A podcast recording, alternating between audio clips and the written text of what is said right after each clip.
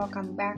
Aku tahu aku udah lama banget gak upload a lot of things has been happening apalagi dengan corona dan segala kejadiannya. Tapi semoga semua staying safe and staying healthy and also trying to stay healthy both mentally and physically. Karena itu penting banget karena keadaan mental kita itu dapat mempengaruhi imun kita. Dan it's really important to have a really strong immune system di masa-masa ini Uh, seperti yang beberapa mungkin udah tahu, bulan ini adalah bulan Mental Health Awareness Day. Dan kita akan lanjut dengan topik yang kita udah pernah kita udah sebut. Jadi kita kemarin kan ngomongin tentang perception of mental health dan segala macam dan sekarang kita akan ngomongin tentang part 3 dari podcast tentang definisi apa itu mentally health, uh, mental health issues dan kita akan bahas. Untuk episode selanjutnya kita akan mulai membahas tentang uh, anxiety or general anxiety disorder dan juga different forms of anxiety. Um, again, ini semua ada reference-nya di mana aku mengambil semua informasi ini, so you can check them out just to help yourself accountable. So I'm not informing you bad information. Dan apalagi menurut aku topik anxiety itu bakal menarik apalagi karena apalagi dengan keadaan covid ini pasti kayak banyak orang merasa sangat-sangat resah dan gimana sih kita mengkontrol rasa resah ini yang yang bisa dibilang berlebihan yang di luar proporsi yang biasanya kita rasakan. Oke, jadi kita akan ngomongin tentang definisi kesehatan mental atau mental illness uh, berdasarkan Diagnostic Statistic Manual yang kelima. Jadi kan kita terakhir kita ngomong tentang bahwa mental health issues tuh consequences of which are clinically significant distress. Jadi secara signifikan rasa rasa distress yang signifikan secara klinis. Jadi konsekuensi misalnya konsekuensi penyakit mental ini berdampak lebih besar dibanding kira-kira. Bisa contoh kayak mengganggu uh, kegiatan kita sehari-hari, mengganggu aktivitas kita, mengganggu bahkan mengganggu mengganggu imunitas kita, mungkin kita gampang sakit, gampang kena, kena sakit kepala, gampang sakit perut dan aku juga guilty of that jadi we've talked about those things about ternyata mental health issues tuh bisa mempengaruhi banyak faktor dan banyak aspek di dalam kehidupan kita. Makanya penting banget untuk kadang-kadang kan kita mikir oh mungkin kita cuma sakit tapi mungkin itu penyakit psikosomatik ya. Sebenarnya nggak ada virus nggak ada bakteri di dalam hidup di dalam tubuh kita tapi ternyata mental health issues kita tuh yang malah membuat kita lebih prone to the illnesses. Uh, definisi keempat itu nggak bisa uh, tidak boleh kalau misalnya kita mengalami kesedihan tapi misalnya kita barusan kehilangan uh, seseorang yang kita kasihi wajar dong. Itu responsi yang wajar untuk kita merasa sedih dan having this stage of grievance itu super super normal. So like when people are sad because someone died in their family bukan berarti itu mereka depres.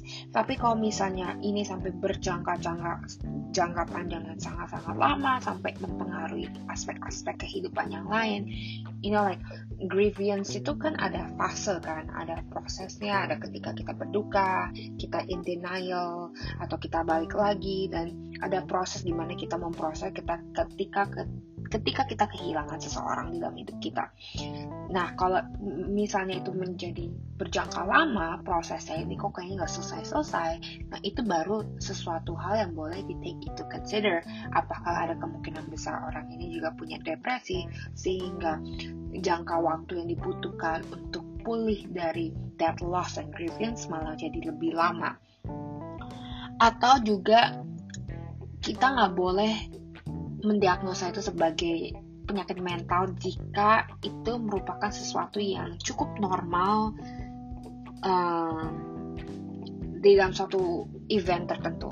culturally sanctioned response jadi kayak misalnya ketika lagi uh, Ramadan terus habis itu kayak kita kan nggak um, makan sebanyak dan kita mengalami rasa agak agak restricted the body and like you feel a bit more you know compelled lebih gampang marah dan lebih atau lebih gampang sedih karena energinya tidak ada. It's it's you can put that as depression. Kita harus really put the context and see on why the triggers some people can be feeling sad depressed or anxious or anything else.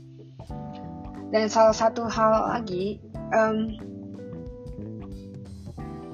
biasanya itu a mental health issue itu as a result atau suatu hasil dari social deviance atau kayak kelainan dari norma sosial, kelainan apa yang masyarakat anggap normal atau bahkan bertentangan dengan paham-paham kultur dan paham-paham society itu, tersebut. Misalnya, biasanya di dalam di dalam society itu ketika kita ada isu, kita langsung misalnya kita uh, misalnya di Indonesia. Indonesia kan bisa dianggap sebagai culture yang lebih reaktif jadi kita tuh lebih lebih gimana ya lebih cepat kadang-kadang untuk menyelesaikan. Tapi kalau misalnya kok ini orang kayaknya nggak bisa susah emang meng mengalami kesusahan untuk melepaskan diri dari keadaan sulit tersebut atau responnya tuh kok aneh gitu loh. Kok responnya dia terhadap isu tersebut itu nggak um, seperti orang seperti biasanya.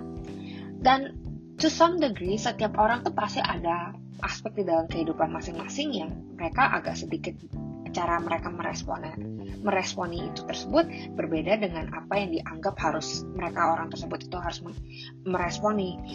Tapi ada kadang-kadang ini ada tapi kadang-kadang masalahnya kita sebagai manusia kita tuh ada kecenderungan untuk menyalahkan atau me mengucilkan orang-orang tersebut yang misalnya agak aneh ini dalam tanda kutip dan tidak memberi aid atau bantuan yang sepatutnya yang akan membantu situasi mereka lebih baik atau membantu mereka merubah persepsi mereka.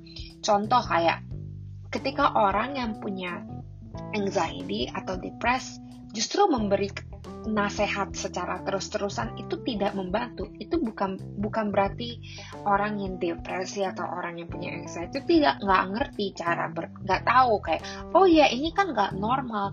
Tapi secara juga ada faktor biologis emang struktur mereka, cara mereka berpikir itu membutuh proses yang lebih lama atau membutuhkan proses yang lain untuk mendapatkan hasil yang sama seperti di masyarakat biasa.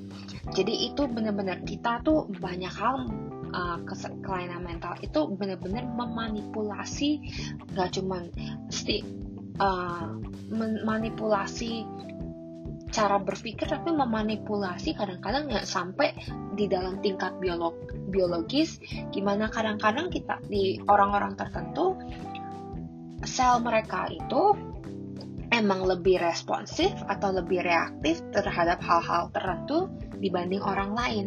Jadi itu hal-hal yang sangat-sangat menarik sih karena kita bisa melihat kalau ternyata wah ternyata kita tuh benar-benar harus um,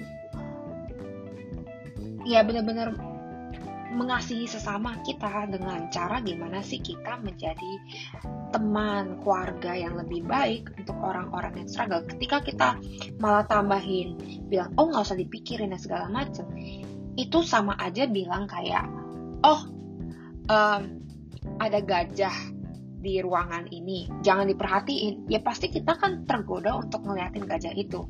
Atau bilang uh, kita bilang ke teman kita misalnya ada uh, contoh kayak oh jangan pikirin tentang jangan pikirin um, gajah yang berwarna pink.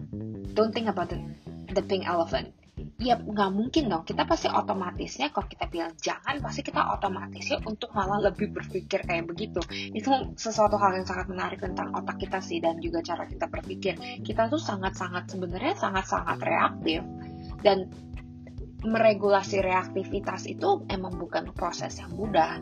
Jadi butuh kesabaran yang luar biasa dan juga butuh kita untuk memperhatikan dan lebih coba kita lihat to an extent daripada kita menghakimi coba kita lihat apa ada kemungkinan besar orang ini ternyata have some mental health issues.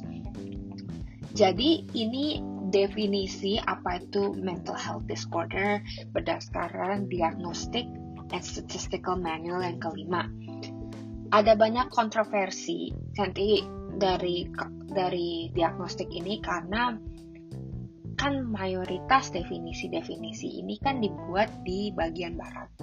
Dan sekarang banyak research, bahkan banyak asosiasi-asosiasi psikologi lagi sangat berminat untuk melakukan research dengan sampel atau dengan populasi dari berbagai kultur dan dari berbagai negara supaya kita itu banyak juga ada tambahan misalnya ini kan secara in general kan banyak kok sekarang kayak udah ditaruh modifikasi contoh buat setiap penyakit mental itu mereka udah mulai mendapatkan faktor-faktor kultur misalnya orang yang dari kultur ini gimana sih kecenderungan apa sih yang membuat mereka lain dari masyarakat di dalam kultur ini? Jadi masih butuh banyak research di dalam ini dan masih banyak banyak aspek yang mempengaruhi selain kultur juga sosioekonomi sistem politik yang ada di dalam negara tersebut um, cara komunikasi budaya tersebut itu semua mempengaruhi gimana uh, seseorang terapis atau seseorang clinical psychologist itu bisa membantu dan kira-kira mendiagnosa. Dan juga ada perdebatan juga sih kayak di Amerika kayak apa sebenarnya diagnosa itu oke okay nggak sih? Atau kayak kok kita kayaknya taruh orang di dalam box di dalam satu label. Ada pro dan konnya kayak contoh bahkan di Amerika ada namanya the feminist theory dan mereka merasa diagnostik itu nggak nggak wajar. Atau kita bisa kok kita atau juga ada solution based therapy ada berbagai macam terapi yang nggak membutuhkan diagnostika atau tidak mempercayai suatu diagnostik. Tapi kita kita lihat aja dengan with a grain of salt lah kadang-kadang ya ada pro dan minusnya dalam mendiagnostika mendiagnos seseorang. Tapi juga kadang-kadang itu melegakan ya. Karena itu membuat orang oh jadi sadar jadi aware dan sedang. Tapi bukan berarti orang itu juga tiap kali mengalami depresi bilang oh ya ini kan cuma depresi aku. Tapi nggak melakukan tindakan apa pun untuk memperbaiki depresi itu.